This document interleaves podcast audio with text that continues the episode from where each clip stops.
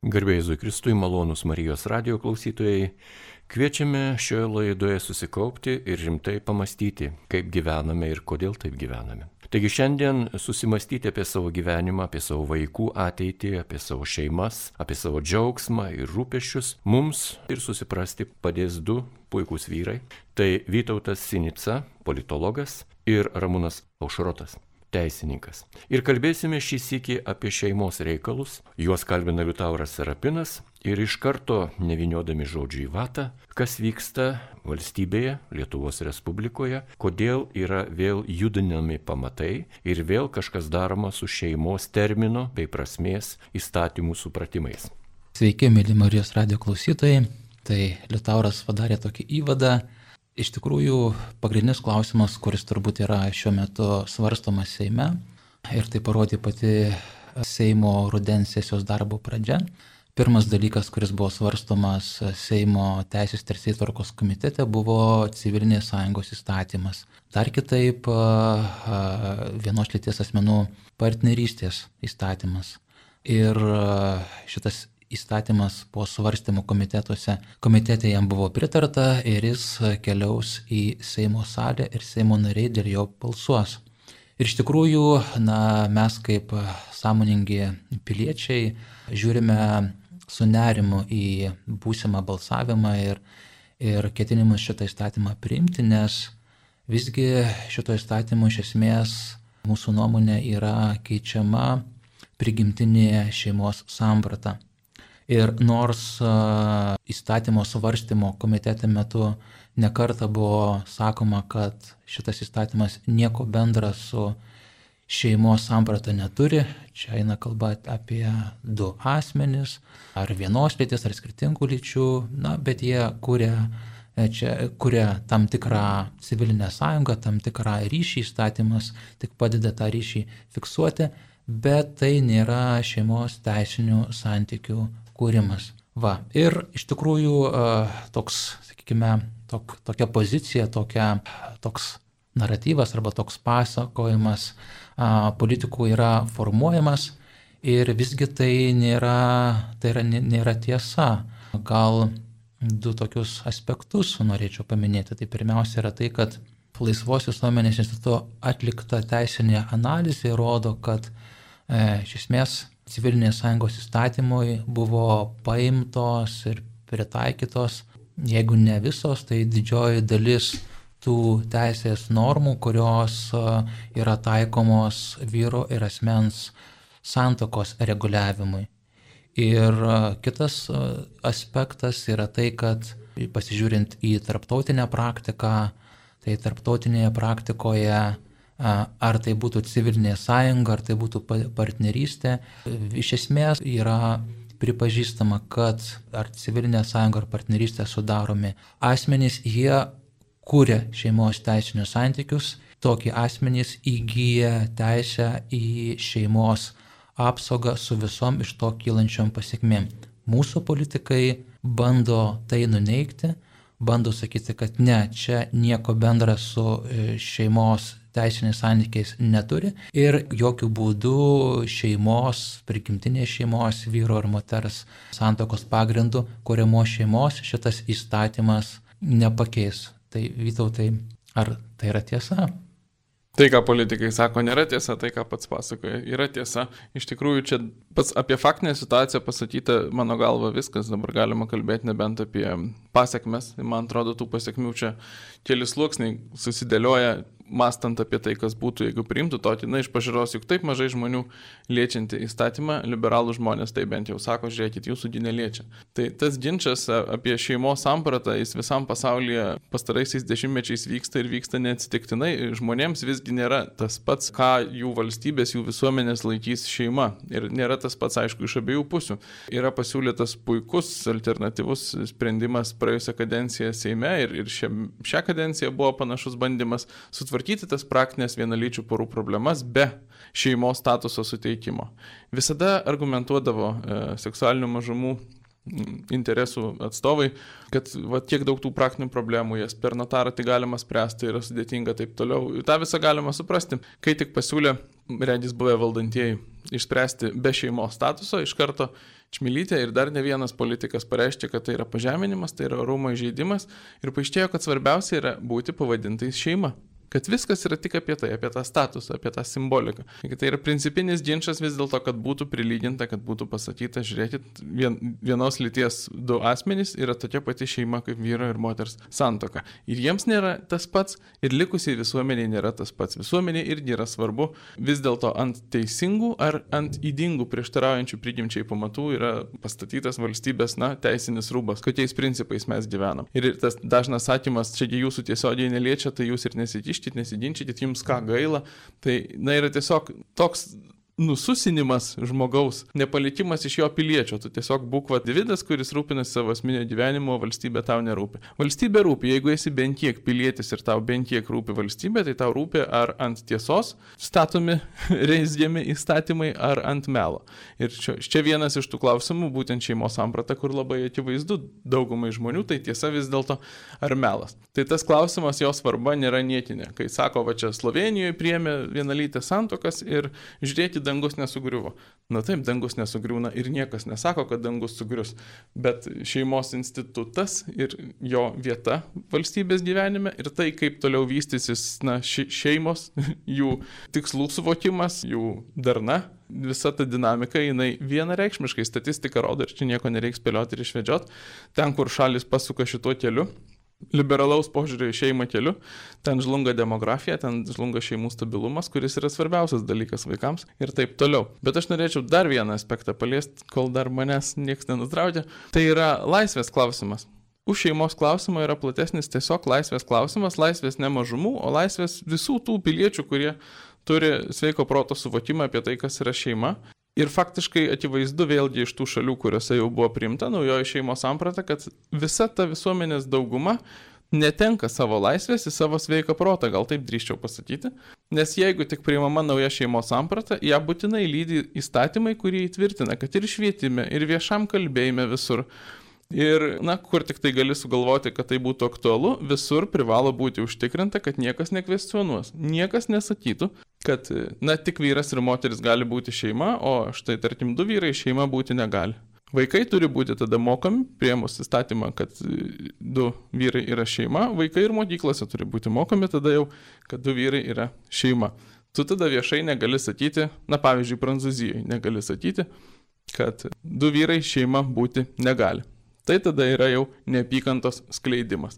Neapykantos kalbos įstatymai ir dabar Lietuvoje egzistuoja, bet jie yra daug siauresni. Jie yra, na, dar santykiaujantys su sveiku protu. Tu jeigu pasakai kažką, tarkim, grasinančio, skatinančio susidoroti, tai tu gali sulaukti tų įstatymų bausmės. Bet e, apie ką mes kalbam, kad priemus tą naują šeimos sampratą, šalis vakaruose anksčiau tą padariusios, anksčiau ir vėliau nujuda į tai, kad niekas net nebegali jos neikti. Valstybė pradeda įstatymais ginti kaip vienintelė tiesa tai, kas yra melas.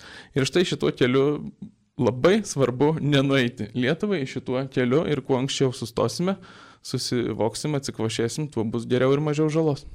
Malonus Marijos radio klausytojai, jūs girdite laidą, kurioje apie šeimos statusą mūsų valstybėje. Šiandien savo mintimis dalinasi Vytautas Sinica ir Ramūnas Aušrot. Taigi, dokumente, kurį jūs parodėte ir man, randu labai įdomią tokią tezę ištrauktą iš Lietuvos Respublikos Konstitucinio teismo 2019 m. sausio 11 dienos nutarimo, citata. Konvencijoje nenustatyta bendra pareiga valstybėms dalyviams vidaus teisėje užtikrinti tos pačios lyties asmenims galimybę sudaryti santuoką ar leisti partnerystę. Kabletaškis. Šioje srityje valstybės naudojasi savo vertinimo laisvę. Pakomentuokite, prašom. Na, iš tikrųjų, tai mūsų politikai kartais sako, kad, na, mes, žinot, tie, kurie, sakykime, bando laviruoti, sako, Na, žinot, čia yra toks labai europinis spaudimas, tie čia ateina iš, iš vakarų, o, va, žiūrėkit, Lenkijai grasina, Vengrijai grasina, na ir kažkaip, nu, reikia sureguliuoti tos santykius, nu, ką jau padarysi. Bet čia mes nenorėtume, bet tokia politika ateina vakarų. Tai toks mitas yra iš tikrųjų neteisingas. Ta citata, kur tu sakėjai, jinai ateina iš Europos žmogaus teisų teismo jurisprudencijos 2010 m. bylos, kurioje buvo aiškiai pasakyta, kad na, valstybės na, narės yra laisvos pačios nuspręsti dėl savo šeimos sampratos ir dėl statuso, kurį suteikia vienos lyties asmenų bendram gyvenimui. Taigi, jeigu Seimo nariai balsuoja už šitą įstatymą, iš tikrųjų teisiškai niekaip, jie nėra vilčiami. Politiškai gal, bet teisiškai ne.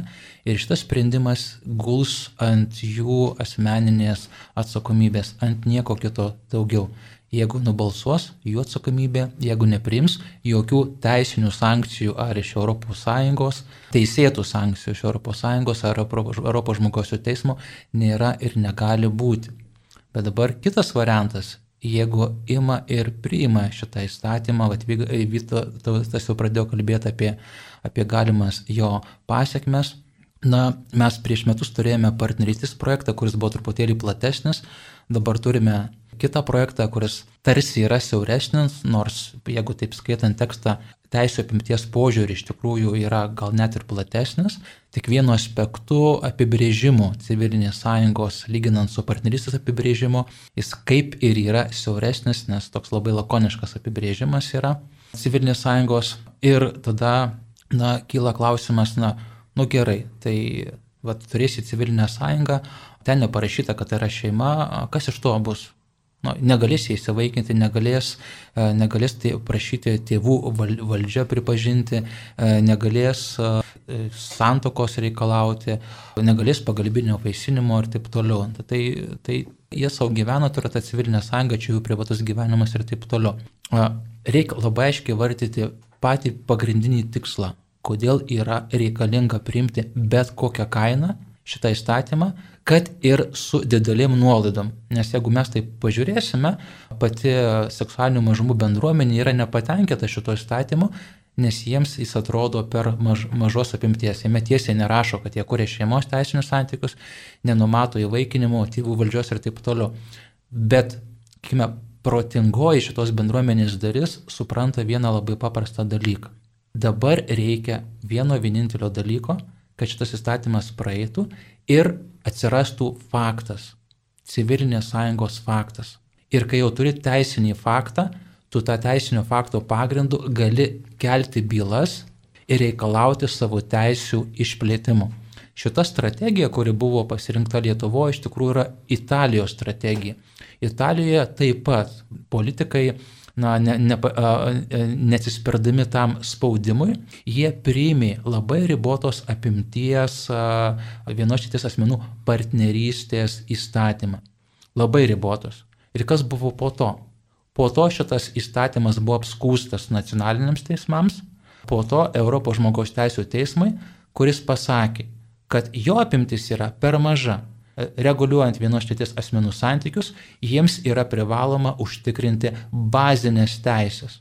Na, indikacijų, kas yra tos bazinės teisės, kokia jų apimtis, a, nenurodė, tik įvardino, kad Italija suteikė per mažai teisų. Tai vad tokiu pačiu principu turbūt strategija taktinė pasirinkta ir Lietuvoje, minimalus įstatymas, o po to strateginės bylos e, siekiant pirmiausia išplėsti va, ta, iki tų bazinių teisių, o galiausiai e, nacionaliniai teisėkuroj teikti pasiūlymus, papildyti tą įstatymą, numatant ir galimybę įsivaikinti ar pagalbinio paisinimo procedūras turėti ar, ar tėvų valdžią įgyti. Tai čia vienas aspektas. Antra, kitas aspektas tos, kime, to įstatymų priimimų pasiekmė būtų, būtų tokia, tas pats Slovenijos atvejis. Vat, Slovenijoje irgi buvo priimtas partnerystės įstatymas, jis įsigaliojo, jis buvo pradėtas taikyti. Ir atrodytų, kad viskas kaip yra ir, na, sureguliuota. Bet ne. Buvo paduotas ieškinys į teismą, reikalaujant kad būtų pripažinta ir vienos lyties asmenų santokos, apimančios ir įsivaikinimą ir pagalbinę vaisinimą. Ir prieš maždaug prieš šešis mėnesius Slovenijos konstitucinis teismas pripažino, kad e, tie asmenys tokią teisę turi. Tokiu būdu peržengdamas turbūt e, ir Slovenijos konstituciją. Tai, a, taigi, iš esmės, prieš praeitą savaitę Biuro Slovenijos parlamentas priėmė atitinkamus civilinio kodekso pakeitimus ir atsirado vienės lyties asmenų santok. Ir tada tas partnerystės įstatymas iš esmės jau tapo nebereikalingas Slovenijos. Jis atliko savo funkciją, o jie pasiekė galutinį tikslą. Tik mes turbūt turėtume suprasti, kad, na, vat, čia yra tam tikra trajektorija, tam, tikra, tam tikro kelio pradžia. Dabar durys dar nėra atidarytos. Yra reik, reikalinga atidaryti duris, o po to per tas duris e, koridorius yra ilgas ir kol bus prieita prie, prie to galutinio taško, kai galutinai vienošėtis asmenų bendras gyvenimas bus prilygintas santokiniai šeimai. Tai tokia perspektyva nusimato, tačiau esminis dalykas. Durys dabar yra užrakintos ir įstatymų lydės, kaip sako Lietuvos konstitucinis teismas, neturi pareigos įkišti ratą ir tas duris, raktą ir tas duris atrakinti. Jeigu jis padarys, tą jis dalyką daro tik savo asmeninę valią ir už tai yra atsakingas. Malonus radio klausytojai, primenu šiandien Vytautas Sinica ir Ramūnas Aušrotas pasakoja apie šeimai keliamus tam tikrus uždavinius ir tai, kas naujo yra teisėkuroje, Lietuvoje ir visame pasaulyje, liečiant šeimos supratimą, terminą ir ką kitą. Gerbiami vyrai, aš tiesiog taip pat esu tėvelis, esu senelis ir aš norėčiau labai užduoti tiesmuką klausimą, kurio man neteko girdėti žiniasklaidoje arba kur kitur, skaitant kokią specialią šiam reikalui skirtą literatūrą. Jūs mane pataisykite, jeigu aš kažkur klystu ir netaip suprantu. Aš suprantu, kad seksualinių mažumų bendruomenė tai yra bendruomenė. Tai yra kaip ir organizuota tam tikra struktūra, organizacija ir jie šiuo metu gyvena bendruomeninį gyvenimą. Tuo tarpu šeima nėra bendruomenė. Pagal Lietuvos įstatymą visos bendruomenės, kokios jos bebūtų, jos turi turėti juridinį statusą. Iš to kyla ir tam tikri įsipareigojimai. Turėti buhalterinę apskaitą, mokėti mokesčius, pateikti metinį balansą ir ką kita. Ir aš suprantu taip, kad šeima valstybei nepateikia metinio balanso, ir neparodo visų sutarčių ir nemoka papildomų kažkokių mokesčių, įsipareigojimų arba pelno mokesčių nuo savo veiklos. Tuo tarpu bendruomeninės organizacijos jos tą prievolę turi. Vienokia ar kitokia, didesnė ar mažesnė. Suprantu, kad gal čia ir yra ta baimė tų žmonių, kad jų bendruomenės iš dviejų, trijų, keturių žmonių, na visokių būna ten, ir penkių, ir penkiasdešimties, kad jos nebūtų apmokestintos, kad jos neturėtų teikti buhalteriniai apskaitai ir kam kitam. Ir, ir čia yra didžioji bėda. Juridiškai juos įteisinti galima ir kaip bendruomenė, ir kaip draugija. Tokių draugijų taip pat yra visokių medžiotojų, filatelistų, šachmatininkų. Ir čia yra tiesiog mokesčių ir atskaitomybės klausimas. Ar aš labai klystu? Nežinau, man atrodo, kad atvirkščiai yra, nes, sakykime, paimkim tokį palyginimą, mes turime, turime vat, jauną verslininką, kuris gyvena su savo partneriu Vilniuje, būdų yra vadybininkai, uždirba pakankamai pa, pajamų ir jie moka mokesčius nuo savo individualių pajamų. Ir mes turime prigimtinę šeimą, tėtį, mamą, kurie augina 3-4 vaikus ir jie moka taip pat tą patį pajamų mokestį nuo galvos. Ir dabar pažiūrėkim, tas žmogus, kuris gyvena su partneriu, jie abu turi pajamas ir jiems atskaičiuoja pajamas, jie nieko neišlaiko.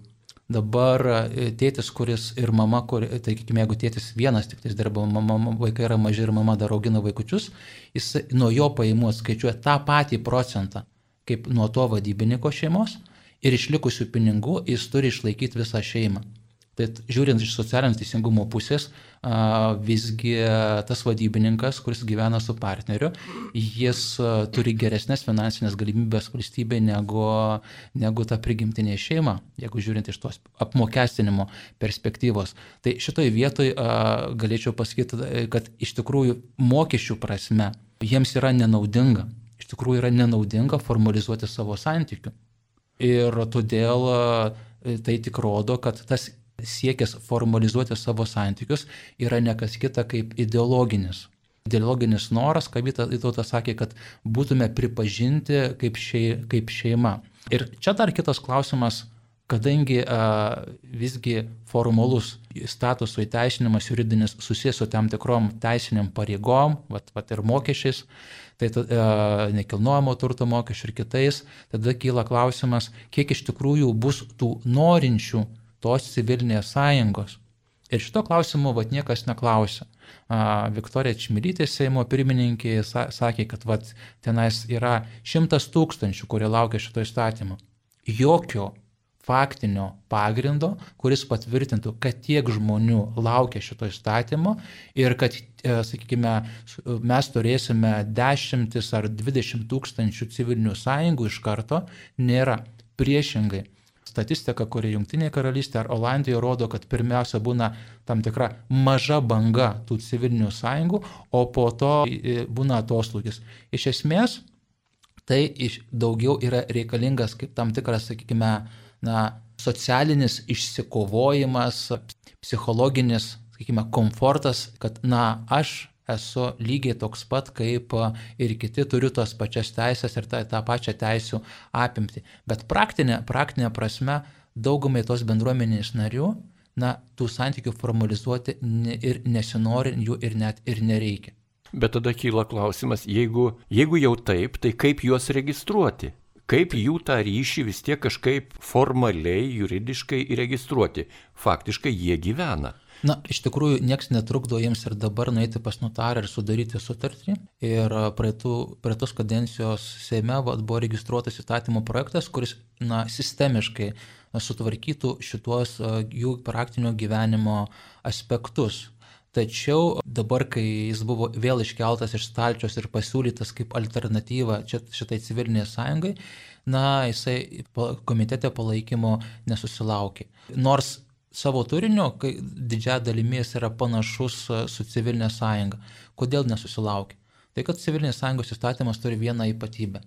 Jis potencialiai leidžia po to reikalauti tą darinį teismų būdu pripažinti šeimą. Mes va, turim kalbėti apie tą patį pagrindinį tikslą. Ir čia aš turbūt norėčiau nuo teisės perėti prie tos politinės dimensijos, Nes, na, ką aš dabar matau, kad politikai kalbėdami apie, pirmiausia, e, bando paneigti, kad e, šit civilinė sąjunga sudarė asmenys, iš tikrųjų ketina kurti šeimos teisinius santykius. Ir antras dalykas, kad ką jie sako, ar ne, kad, na, na tai čia yra politinės valios klausimas. Na, yra Seime vieni nariai, kurie turi vienokią nuomonę, kiti turi kitokią, ir tai yra politinė valia ir kuria politinė valia nugalės. Ir nutylimas faktas, kad tai nėra tik tais, sakykime, požiūrio ar politinės valios klausimas, bet yra konstitucinis klausimas, kurį dera spręsti konstitucija numatytų būdu. Nes pagal savo turinį civilinės sąjungos, pagal savo turinį tai yra, tai bus kuriami šeimos teisiniai santykiai, tik tą pripažinimą reikės jiems įgyti teisminiu, teisminiu būdu. Ir jeigu tai yra šeimos teisiniai santykiai, vadinasi, kyla klausimas, o kaip, de, kaip tai dera su mūsų konstitucija, nes konstitucija nenumato kito būdo, kaip galima sukurti šeimos teisinius santokus apart a, vyro ir moters santokos. Ir čia yra kolizijos konkuravimo arba prieštaravimo konstitucijai klausimų. Ir šito klausimo mūsų Seimo nariai nekelia. Būtent todėl grupiai, sakykime, visuomenės narių, aktyvių piliečių, visuomenininkų, kuriems ne tas pats, ką veikia Seimo nariai ir kokius įstatymus priminėja, nusprendė imtis tam tikros visuomeninės iniciatyvos šito klausimu ir priminti Seimo nariams, kad visgi tai yra konstitucinis klausimas ir kad negalima civilinę sąjungą priimti va šiaip savo, ne atsižvelgiant į konstituciją ir, ir, į te, ir, ir primant įstatymą, kuris savo turiniu iš esmės prieštarauja tam, kas parašyta konstitucijoje. Iš tikrųjų, čia norisi tarytum pasakyti, kad tam tikras lūžio momentas atėjo Niekas jo nenorėjo, bet Seimas pats savo kurtumu visuomeniai tiesiog priverčia tą slengsti peržengti. Daug metų, aš sakyčiau, bent dešimtmetį, tos kovos vyko dėl, dėl šeimos sampratos, visokie nesėkmingi bandymai ją pakeisti. Ir visus tuos metus įvairios visuomeninės organizacijos kovojo tokią pilietinę kovą tais klausimais. Daugiausiai ir ilgiausiai, aš sakyčiau, Laisvos visuomenės institutas reiškėsi. Šiais metais Krikščioniškos kultūros institutas yra paskelbęs tokią šeimos peticiją, taip ir galite ją rasti seimos peticija.lt. Vis dar galima pasirašyti, kviečiu tą padaryti. Na, nacionalinė šeimų ir tėvų asociacija taip pat buvo peticija prieš partnerystę praeitais metais inicijavusi. Tai tų iniciatyvų tikrai yra daug. Taip, tai buvo daug iniciatyvų ir tos iniciatyvos, kaip matom, kol kas nesustabdo Seimo narių. Seimo nariai užtikrintai eina toliau, būtent dabartiniai valdantieji, kas yra galbūt kiek keista, nes tarsi iš įpratimo pagal įprastas etiketės Lietuva dabar valdo dešinieji, opozicija yra kairieji, bet Europoje bet kas sakytų, kad tai kairieji turėtų stumti šitas leftistinės idėjas, bet štai Lietuvoje jas stumia dešinieji ir netrodo bent kol kas nėra pagrindo manyti, kad sustos.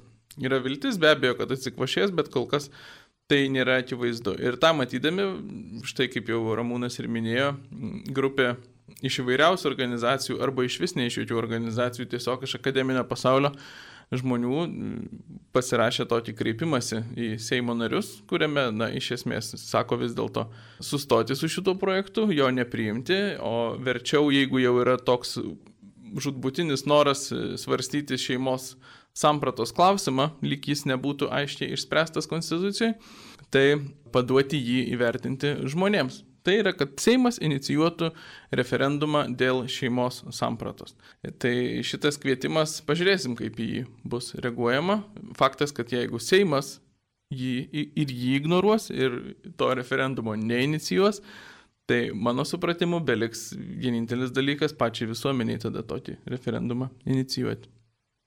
Aš gal pridėsiu turbūt, kodėl ta iniciatyva yra tokia, o ne, o ne kitokia, kodėl tai yra kreipimasis į Seimo narius, prašant jų, kad jie atsižvelgdami į tai, kad tai yra konstitucinis klausimas, inicijuotų privalomąjį referendumą. A, a, yra toks aspektas, kad a, referendumo organizavimo tvarką numato referendumo įstatymas, tačiau šitas įstatymas a, Konstitucijos teismo buvo pripažintas negaliojančiu 19 e, metais, nes nebuvo tinkamo būdu Seime priimtas. Buvo priimtas kaip paprastas įstatymas su paprasta balsų dauguma, o jį reikėjo priimti kaip konstitucinį įstatymą su kvalifikuota balsų dauguma. Tai konstitucinis pripažino, kad ne tai, kad turinys jo yra blogas, bet kad forma, procedūra buvo netinkamai atlikta ir jo galiojimas buvo sustabdytas. Praėjo trys metai ir buvęs Seimas ir dabartinis Seimas iš esmės nepadarė nieko, kad priimtų naują referendumo įstatymą, kurio pagrindu būtų galima piliečiams patiems inicijuoti tokio referendumo, referendumo paskelbimą. Taigi, tačiau Tačiau, kadangi Lietuvos Respublikos konstitucija e, jinai yra taikoma tiesiogiai, tai Seimo nariai tikrai turi galimybę tiesiogiai taikyti konstituciją ir priimti Seimo naturimą, kuriuo nuspręstų, jog yra reikalinga toks referendumas ir tą referendumą paskelbtų. Jo labiau, kad, na, žiūrint techniškai, net ir yra gera galimybė, gera proga Vas, kovo 5 dieną mes turėsime savildos rengimus ir e, iki to yra pakankamai laiko, kad būtų galima na, atlikti visas techninės procedūras ir paruošti klausimą referendumui ir pasiūlyti žmonėms dėl to klausimo balsuoti. Ir iš tikrųjų tai būtų ir e, teisėta, ir teisinga, nes prieš 30 metų Lietuvos žmonės būtent referendumo būdu priėmė konstituciją ir referendumo būdu jie apsisprendė dėl šeimos sampratos. Šeimos kaip kylančios iš vyro ir moters santokos ir šeimos kaip kylančios iš tėvystės ir motinystės. Ir dabar, jeigu mes įvedame naują šeimos formą, tai ir, yra ir teisėta, ir teisinga duoti tai pačiai tautai būtent referendumu, o ne kitų būdų apsispręsti, ar jie sutinka tos su šeimos sampratos keitimu, ar nesutinka. Iš esmės, Seimo nariai, kurie, sakykime, vadovaujasi, duoda Seimo nario priesaiką, duodami priesaiką jie deda ranką ant konstitucijos. Kai kurie prisiekia Dievu, bet ne visi, bet visi prisiekia vadovaud, vadova, vadovaudamasi, kad jie vadovausi savo darbę konstitucijai. Tai jeigu jau, sakykime, mes gerbėme konstitucijos tekstą, tai mes turėtume gerbti ir joje surašytas, su, surašytas nuostatas. Ir tai viena iš nuostatų yra apie prigimtinę šeimą. Tai nuoseklu, tikrų, tikrų būtų nuoseklu nelaužant konstitucijos, nepaneigiant savo duotos Seimo nario priesaikos, pagal konstitucijos dvasę imti ir duoti visuomeniai, inicijuoti privalomą referendumą ir atsiklausti jų dėl šitos šeimos sampratos keitimo. Jeigu visuomenė pritars, Tada bus visuomenės valia, jeigu visuomenė nepritars, bus kita valia. Taip yra, taip yra normalu ir demokratiška visuomenė. Na bet sakykime, visuomenė suformuluos tą referendumo klausimą. Jį galima suformuluoti ir vienaip, ir kitaip, ir trečiaip, ir nuo formulavimo priklauso ir atsakymai. Čiagi taip pat yra galimybė sužaisti tokią partiją. Na, tai aš suprantu taip, kad kadangi na, vat, valdančiai koalicijai yra svarbu šitas klausimas. Jiems yra svarbu, kad tų žmonių, vienos šities asmenų, porų bendras gyvenimas būtų regu, sureguliuotas. Ir iš esmės jie siekia suteikti tai, tai gyvenimo formai šeimos teisinę apsaugą. Ta sako visi normalūs teisininkai, tą sako buvęs Konstitucinio teismo teisėjas Dainis Žalimas kad toks yra esmė ir prasmė šito įstatymo. Tai turbūt jie ir turėtų siūlyti formuluotę ir siūlyti, kad šita forma būtų pripažinta šeima, o visuomenė pasakys, mes sutinkame ar nesutinkame. Tai iš kitos pusės, na, na mes turime, sakykime, iniciatyvinė grupė turi savo požiūrį į, iš šio klausimo, visgi dauguma pasirašiusių, na, pripažįsta prigimtinę šeimos sampratą ir nori, ir, ir nori kad tas konstitucijoje prieš 30 metų numatyta prigimtinių žmogus teisų dermė išliktų, o nebūtų iškraipyta. Tai jeigu mes galėtume, sakykime, siūlyti savo formuluotės, tai turbūt siūlytume tokį truputėlį siūlytume, sakykime, konkrečiau įrašyti šeimos apibrėžimą arba numatyti, kad, na, tėtis yra tėtis, o mama yra mama, kad nebūtų jokių, na, bandymų interpretuoti arba aiškinti, kad tėčio arba mama gali būti bet kas, bet dabar šito kamoliuko, šito kamulio savo rankose, na, tauta neturi, tas kamuliukas yra Seimo narių rankose, prašom.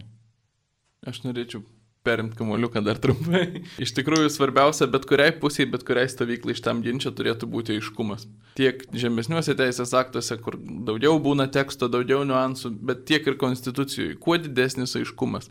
Jeigu jūs valdantieji, tarkim, norite įteisinti vienalytės šeimas Lietuvoje, Na tai tada reikia pasiūlyti konstitucijai labai aiškiai parašyti, pasirinkti formuluotę, kad būtų aišku visiems balsuojantiems, kad ginčas apie tai, kad sprendžiama ir teisinti vienalytės šeimas.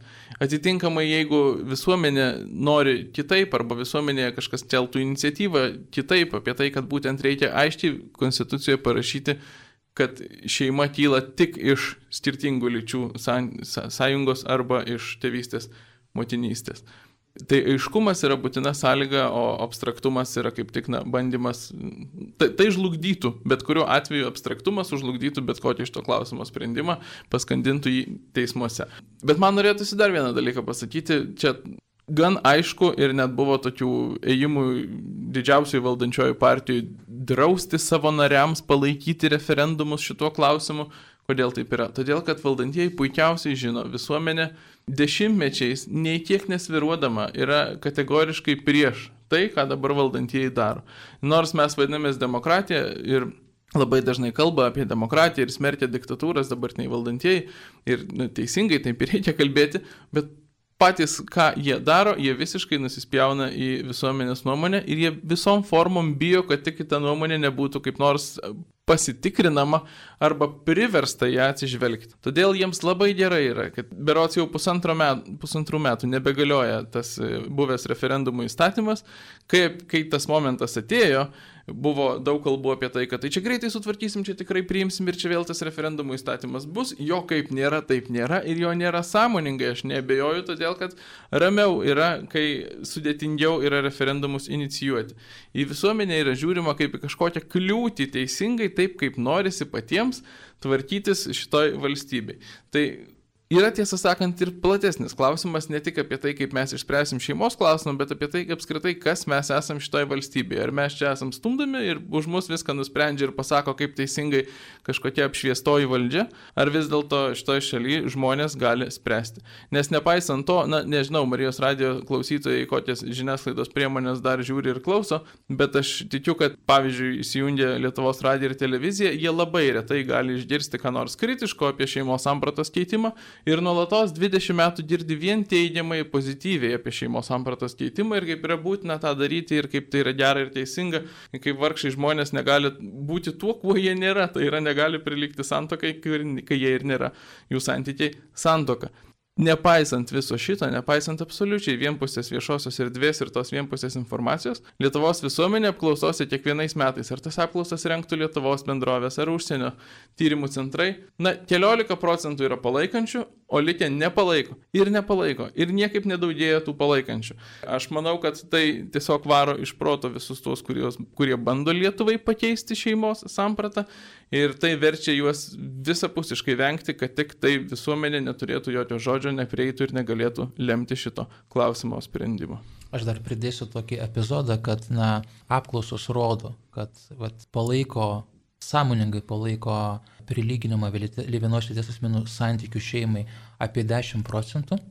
Dabar a, tą idėją stuminti sako, kad vis kurie palaiko kitokią nuomonę, yra Kremliaus agentai, propagandistai ir vatnikai. Teko turbūt girdėti tokią frazę. Na vad, ir vad neseniai buvo visuomenės nuomonės apklausa, kiek palaiko Rusijos karą Ukrainoje arba, arba teigiamai žiūri Rusijos veiksmus, irgi maždaug tas pats procentas. Tai, tai disproporcija yra absoliuti. Beveik 80 procentų sakykime, žmonių palaiko prigimtinę šeimos sampratą visuomenėje ir tik 10 procentų palaiko Rusijos, Rusijos veiksmus Ukrainoje. Tai tas, ką mes turime? Mes iš esmės turime tam tikras viešųjų ryšių technologijas, kuriomis yra bandoma bet kokiu būdu diskredituoti tą tuos žmonės, kurie pripažįsta ir supranta, kad šeima yra antropologinis faktas, kad tikrovės faktas, o ne socialinis konstruktas. Ir kaip Vytautas sakė, per to 20 metų buvo įvairios priemonės, argumentai naudojami būtent, kad diskredituoti tą poziciją, bet jos iš tikrųjų nepavyko. O kalbant apie pačią referendumo teisę, kuri, kuri yra konstitucijoje, bet nėra jo įgyvendančio įstatymo, Tai, na, turbūt reiktų pasakyti, kad kodėl jinai yra įrašyta konstitucijoje. Iš esmės referendumo teisė yra, reiškia, paskutinė gynybos priemonė. Tai yra paskutinė tautos gynybos priemonė gintis nuo jos bendrajam gėriui arba na, valstybės tautos saugumui prieštaraujančių valdžios sprendimų. Nes nu taip gali būti, kad, sakykime, valdžia netarnauja ar netarnauja interesams. Rusijoje valdžia netarnauja Rusijos žmonėms, Rusijos interesams. Ir referendumai ten irgi nėra leidžiami. Nėra leidžiama žmonėms pateikti, sakykime, referendumo iniciatyvą ir ją įgyvendinti ir atsiklausti tos nuomonės. Viską diktuoja valdžia. Tai jeigu mes esame demokratinė valstybė, ne tokia kaip Rusija, na, mes turime palikti a, tą sakykime, paskutinę priemonę tautai, na, apsaugoti bendrai gėrį, užtikrinti tautos ir valstybės interesą. Dėja turime pabaigti šią laidą ir manau, kad tai yra gera vieta pabaigti laidai, nes ji skamba labai konkrečiai, ką turėtume veikti ir nuo ko turėtume atsispirti. Ar pritarėte, gerbėmieji? Tikrai taip. Iš tikrųjų dabar yra labai aiškus. Aiškus žingsniai. Kamuolys yra Seimo pusė. Jeigu Seimas vis dėlto eis prieš visuomenės valią ir iš esmės žmogaus prigimti, tada jau teks veikti visuomeniai. Mėly ir malonus Marijos radio klausytojai, jūs turėjote progą išgirsti pasakojimų apie šeimos teisinės problemas bei sampratą, kurią bandoma vienaip ar kitaip keisti ir apie šios pavojus. Mums šiandien pasakojo Vytautas Sinica, politologas, bei Ramūnas Aušrotas, teisininkas. Su jais kartu buvo ir Liutauras Serapinas, linkėdamas ir jums toliau likti su Marijos radiju.